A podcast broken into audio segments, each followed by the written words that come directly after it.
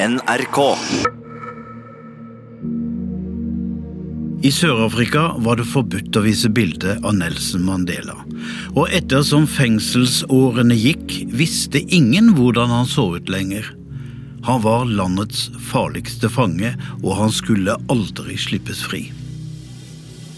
Jeg så denne kampen fra gatene. Hvite soldater i pansrede biler, ungdom ble banket opp. Det var farlig overalt. Hat og gråt, sinne og skam.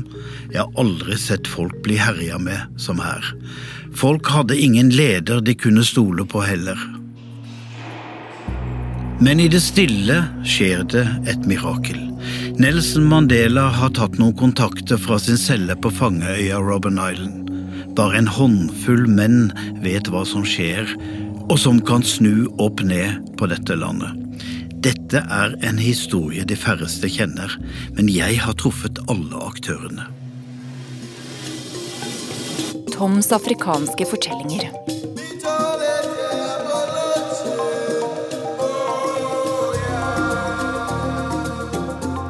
Jeg heter Tom Christiansen og er utenriksreporter i NRK.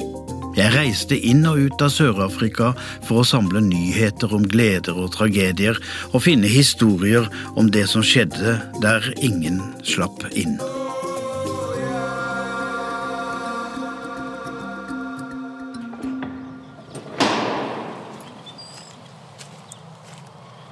Den lange mannen går gjennom sanden på dårlige sko. Nelson Mandela skal til steinbruddet på Robben Island. Han går med korthugde skritt. Det er gravstøtter på begge sider av stien fra den gang denne øya var en koloni for spedalske. I kalksteinbruddet skal han jobbe minst mulig. Denne dagen skal en av de godt utdannede politiske fangene undervise dem som aldri fikk noen eksamen før de ble arrestert for sabotasje, sammensvergelse eller terrorisme. Betjentene som skal passe på, vet hva som foregår og trekker nærmere. De vil lære litt, de også. Jeg har selv gått der med Nelson Mandela, men det var 15 år seinere. Han hadde solbriller og var en fri mann. Men tilbake til den gang. Det var 1982, og Mandela har sittet fengslet i 18 år. Alle de politiske fangene satt i samme korridor og hadde en felles uteplass som de hadde omgjort til tennisbane, og hvor Mandela hadde anlagt en grønnsakshage. Han hadde skrevet sine memoarer og gravd dem ned i bedet men bunken av toalettpapir ble funnet. Nå hadde han skrevet igjen, et brev som ingen måtte få vite om. En henvendelse til justisministeren. Ærede minister Kobi Kotsi, kan jeg i all ærbødighet gjøre dem oppmerksom på noen kritiske sider ved situasjonen i landet. Nesten sånn skrev han, og viste til de svartes desperate situasjon, at all volden i landet bare kunne stanses ved å gi dem samme rettigheter som hvite. Kotsi satt storøyd og leste brevet fra mannen på øya. Den kortvokste justisministeren hadde allerede hørt ryktene om Mandela, at han var en vennlig, fredelig gentleman og her tilbød han seg å møte ministeren i et språk som røpet at han anså seg selv som en viktig leder. Men det var han jo, skjønte Kobi Kotsi. Jeg kjenner denne justisministeren, en bestemt, men vennlig mann. Han døde for 18 år siden. Først var han advokat, men så ble han politiker. Jeg husker at han pleide å tenke litt utenfor boksen.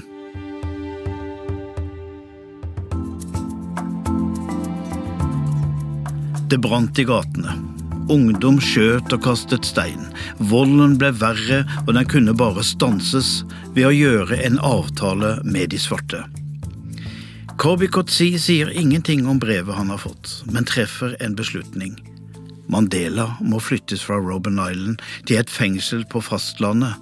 Da blir det lettere å føre hemmelige samtaler. Men den grunnen må ingen få vite.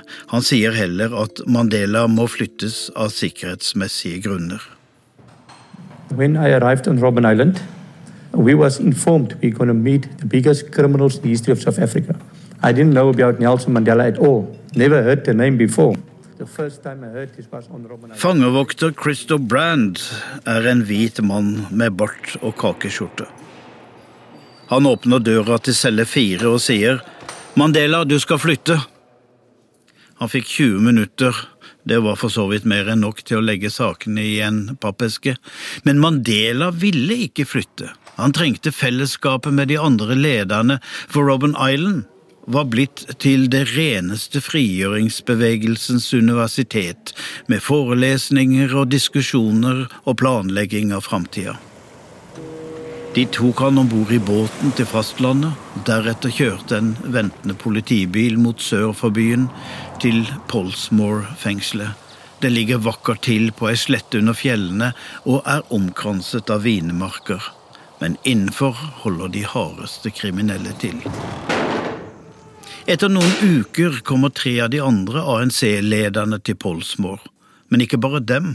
Også Christo Brand, fangevokteren, blir overført. Han er blitt en venn av Mandela. Han var oppdratt til å tro på raseskilleideologien, men møtet med Mandela har gjort en forskjell. Fangevokteren er blitt en tilhenger av sin fange. Christopher Brand sitter ofte i møte med Mandela. De snakker om smått og stort, om familien. Mandela vil at kona til fangevokteren tar seg utdanning, og at sønnen deres må være flittig med leksene. Han passer på deres fødselsdager og sender brev ved høytidene. Når Christo tar med seg sønnen på jobb, går de innom Mandela, for han har alltid sjokolade. Til gjengjeld har Mandela fått ha sitt barnebarn på fanget under et besøk. Det var forbudt. Fanger skulle ikke ha kontakt med barn, de fikk ikke engang ha bilder av egne unger. Jeg har siden sett Mandela med barn. Han blir helt oppslukt, legger alt annet til side og snakker med dem med en respekt som er sjelden vare.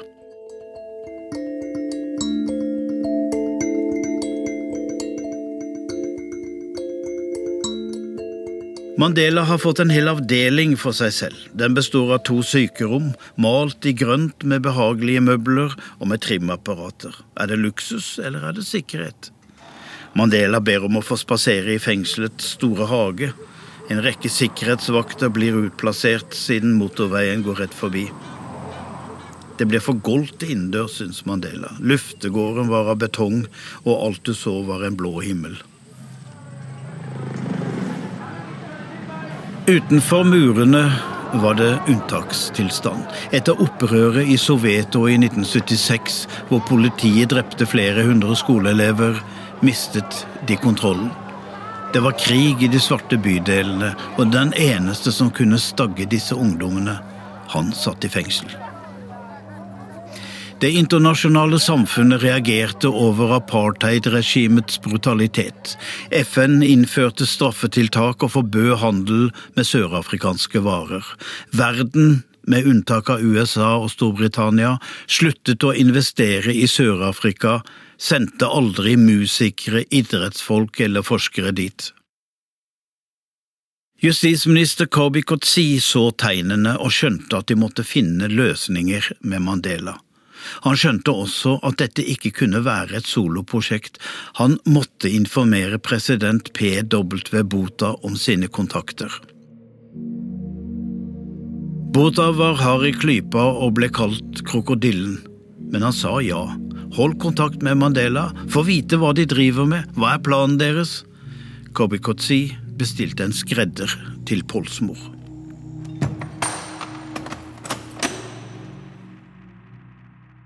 Mandela er en krevende fange, men han imponerer. Disiplinert og bestemt, pålitelig og høflig. Christo Brandt bestiller akkurat den sjampoen han har bedt om, Blue Pantene. Så blir Mandela syk. Han har hatt mye trøbbel med synet, men nå er det prostataen.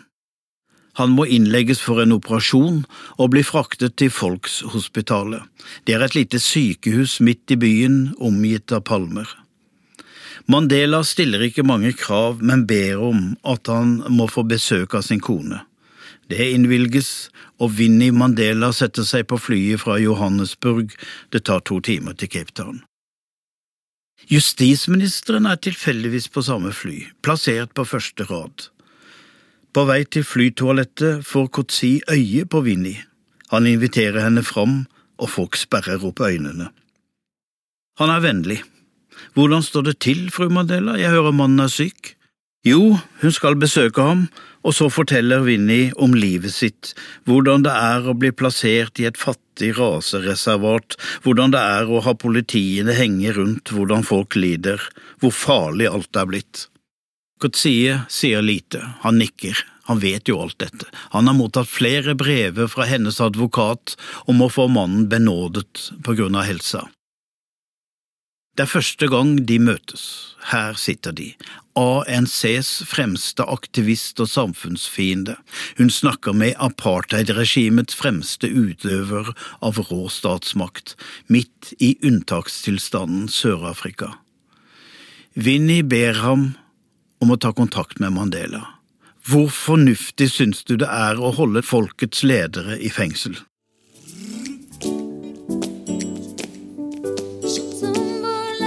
Winnie Mandela er en påfugl, kledd i fantastiske kreasjoner. Jeg har alltid syntes hun virker arrogant, men hun er dronning og lady, nasjonens mor, og hun er ikke underdanig overfor hvite slik afrikanere har en uvane med å bli. Vinni er sjefen.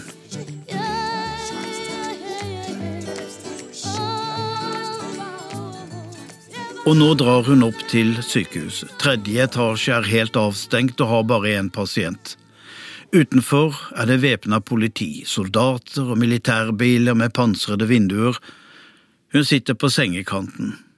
Han synes det er godt å være utenfor murene, men er mer opptatt av hvordan det er i Soveto, hvor han kommer fra. Hvordan har hun det i Branford, dit hun er blitt forvist? Han er mer bekymret for henne enn seg selv. Etter visitten kjører en svart limousin opp mot sykehusets resepsjon. Det er Kobi Kotsi. Mandela blir varslet, og det er som det rykker i hele sykehuset. Og nettopp her gjør historien om frigjøring av Sør-Afrika et lite hopp. Det er klart for et helt umulig møte, utenkelig for alle andre enn aktørene, og det er ingen slagen, bitter og kuet pasient som ligger i senga. Det er Mandela som åpner. Velkommen hit, Mr. Kotsi. How is your day? Og så presenterer han de andre som er der, sykepleierne ved navn og en forvirret kirurg som gjerne skulle hatt noen ord med pasienten. Åh, oh, Mr. Kotsi, du besøker ikke din favorittpasient for ofte. De snakker om sykdommen og behandlingen og om atskillige uvesentligheter, ikke et ord om politikk likevel. Isen ble brutt i dyp hemmelighet.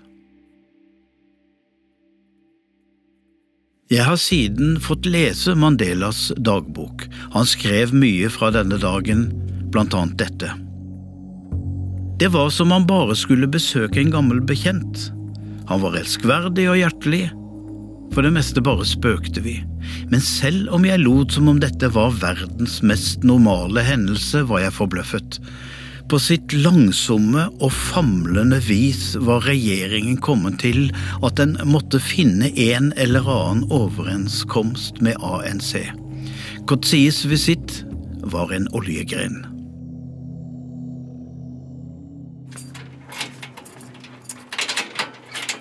Skredderen er kommet, han blir låst inn gjennom alle sikkerhetsdørene i Polsmo-fengselet. Han skal ta mål av fangen. Mandela skal møte justisministeren nå, og Kobi Kotsi vil ikke ha en ussel fange på kontoret, han vil se Mandela som en anstendig motpart. De skulle diskutere grunnlaget for å ha samtaler. Men var det riktig av Mandela å snakke med regjeringen? Han nevnte det ikke for de andre ANC-fangene i etasjen under. Lederne i eksil satt intetanende i Lusaka i Zambia. Hva ville de sagt om de visste at Mandela skulle drikke te med justisministeren, i en regjering utgått fra helvete? Ville ikke de internasjonale straffetiltakene bli opphevet om det ble kjent at Mandela vanket i regimets salonger? Så det politiske monsteret Sør-Afrika var altså ikke verre enn at de holdt seg med Nelson Mandela som skjødehund? Han hadde ikke noe valg, men han ville ikke la seg løselate uten at noen krav ble innfridd. Forbudte partier måtte aksepteres, alle politiske fanger måtte settes fri, volden fra politiet og hæren måtte ta slutt, så skulle ANC avslutte sine voldelige aksjoner. Det ble til 40 møter mellom Mandela og Kotsi, og ingen fikk vite om det, for politistaten Sør-Afrika hadde vanntette skott og store rom for hemmelighold. Det lakk aldri.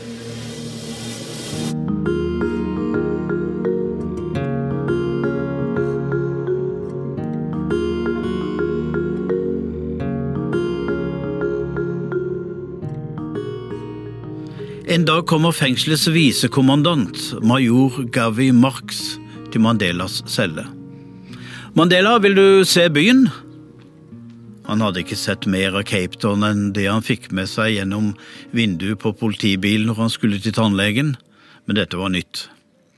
Kobi Kotsi hadde instruert fengselet om å lette veien tilbake til samfunnet for Mandela. Han burde se hvordan verden så ut. De trengte ikke biler med sotede glass. Ingen ville gjenkjenne Mandela likevel. Det er ikke noe påfallende at en hvit mann kjører rundt i en enkel bil med en svart, gråhåra mann ved siden av. De drar over fjellene og ned mot Hot Bay, videre mot Camps Bay, og Mandela kan for første gang se Robben Island fra landsiden. Nå er han her i de bydelene han i årevis har sett mot og drømt om å komme til. Jeg spurte Mandela en gang hvordan det var plutselig å se livet utenfor fengselet. Han var mest fascinert av å se folks små gjøremål. En gartner klipper en hekk, en ungdom lufter hunden, et barn som må trøstes. Cape Town er travel, men de kjører opp i fjellsiden hvor det er færre folk. Ved en butikk spør Marks bak om Mandela vil ha noe kaldt å drikke. Mens han handler, sitter Sør-Afrikas farligste forbryter alene i bilen med nøklene i låsen.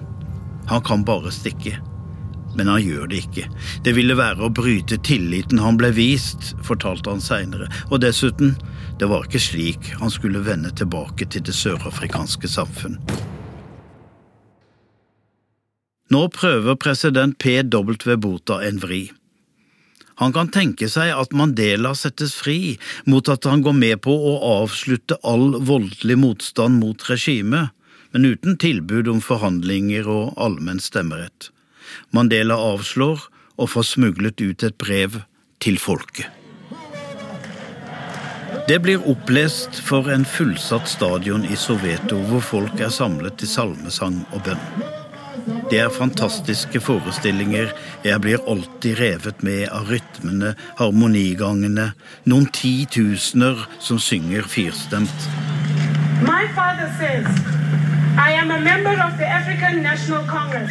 Det er datteren Sinsi som skal lese brevet. Hun skjelver i stemmen, og hendene dirrer. I am not a violent man. My colleagues and I wrote in 1952 to Milan asking for a roundtable conference to find a solution to the problems of our country, but that was ignored. Vi prøvde med ikke-vold i 50 år, leste hun. Først da grep vi til våpen. Jeg sitter i fengsel, ANC er bannlyst. Skal jeg settes fri mens folkets organisasjoner er lyst i bann? Hva slags frihet er det? leser hun fra pappas brev.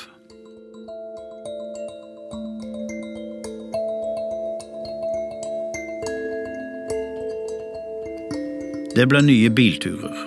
Mandela lærer om en verden med trafikklys og kredittkort, miniskjørt og supermarkeder. Bare én gang blir han gjenkjent på en bensinstasjon. En mann stirrer og stirrer på passasjeren. Mandela ser tilbake og nikker. Så setter den andre opp et jubelsmil, og så for Mandela videre.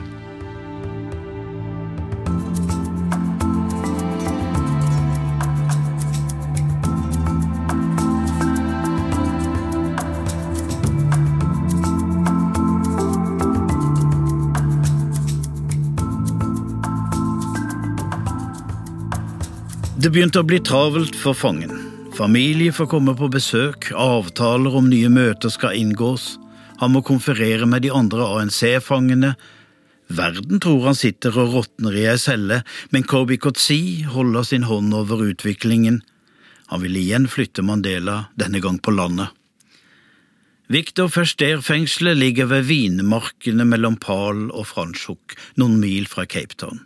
Fengselsdirektøren må flytte ut av sin romslige bungalow inne på fengselsområdet. Mandela får god plass, en vakker hage og eget svømmebasseng, og egen nøkkel. De har skjønt at han trenger en sekretær, for nå kommer besøkende fra regjeringen og fra ANC.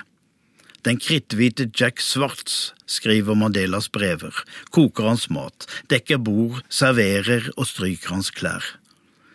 I stua står en TV. Han har aldri sett på fjernsyn, men stusser over nyhetene. Det eneste svarte mennesker gjør på TV, er å slåss og kaste stein mot politiet. De er enten kriminelle eller terrorister. Han kjenner ikke verden igjen. Ingen må få vite hva som foregår. Alle utgiftene føres derfor på budsjettet til de hemmelige tjenestene, dem som normalt går ut på å forfølge og ta livet av Mandelas egne menn. ANC-ledere som ikke er fengslet, drar til vinmarken i Pal for å se Mandela. De diskuterer betingelsene for en løslatelse.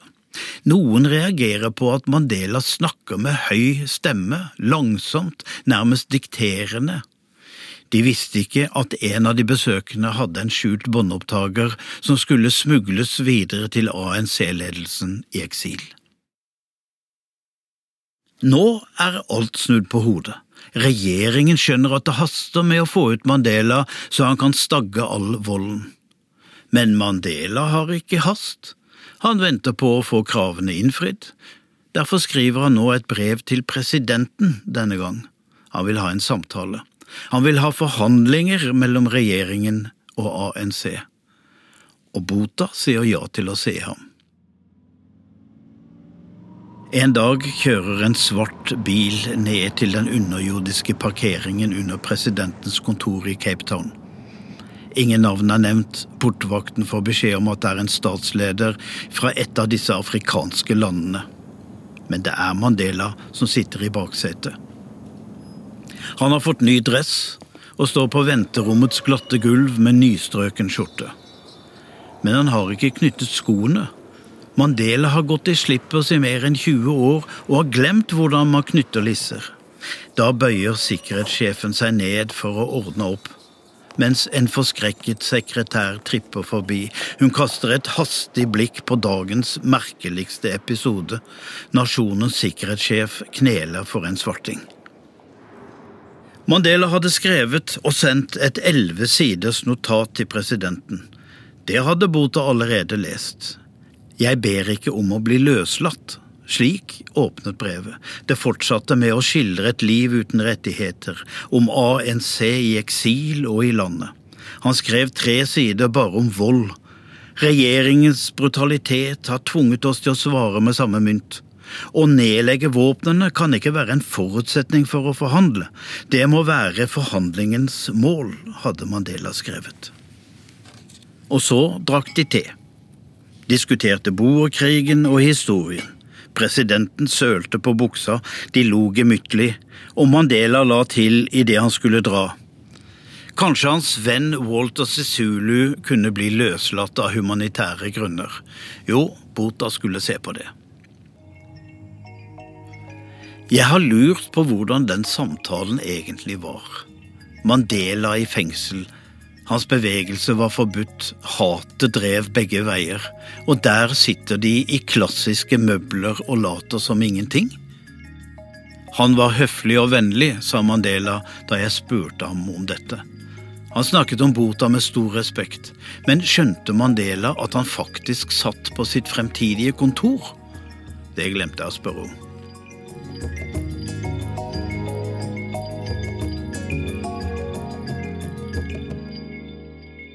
PW Bota var svekket. Han hadde hatt slag, og det tok ikke lang tid før han ble skiftet ut som partileder og president. FW de Klerk inntok hans kontor.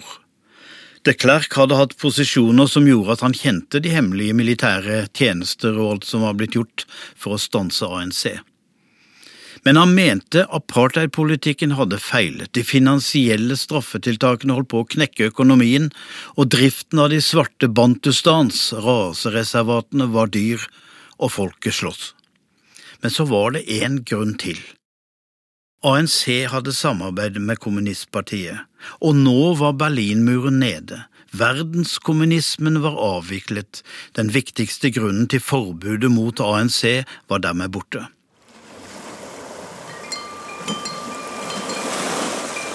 De Klerk dro på hytta i Hermanus for å skrive talen til åpningen av parlamentet i februar 1990.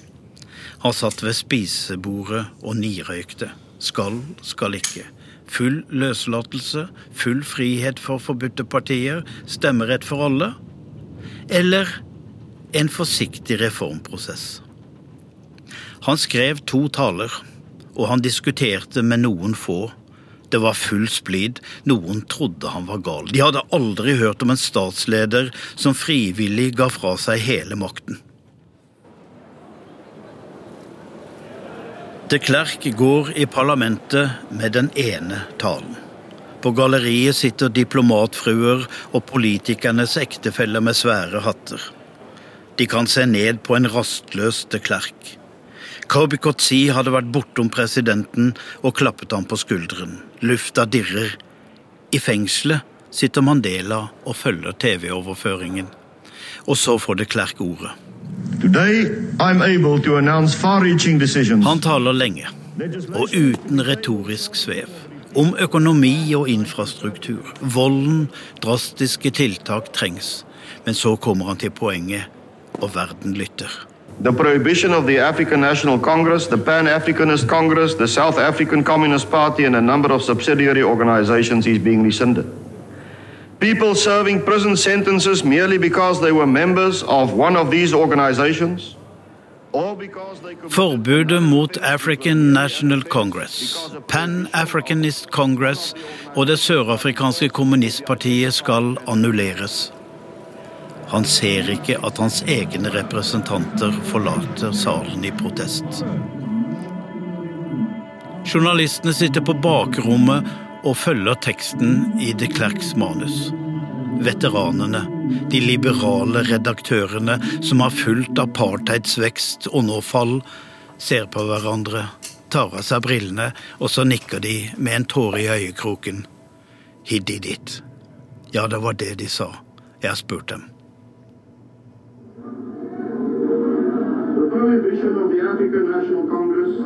Mandela så forestillingen sammen med fangevokter Christo Brand, som spurte. Hva skal du gjøre nå, Nelson? Det tok lang tid før han svarte. Lurer du også på det? Det er ikke godt å vite, men jeg holder meg til troen på at vi blir ledet. Det var litt høytidelig. Hva mente han egentlig? Ledet av Gud eller ANC? Mandela var aldri tydelig på slikt. Men så avslutter han samtalen. Jeg er engstelig for hva som skal skje.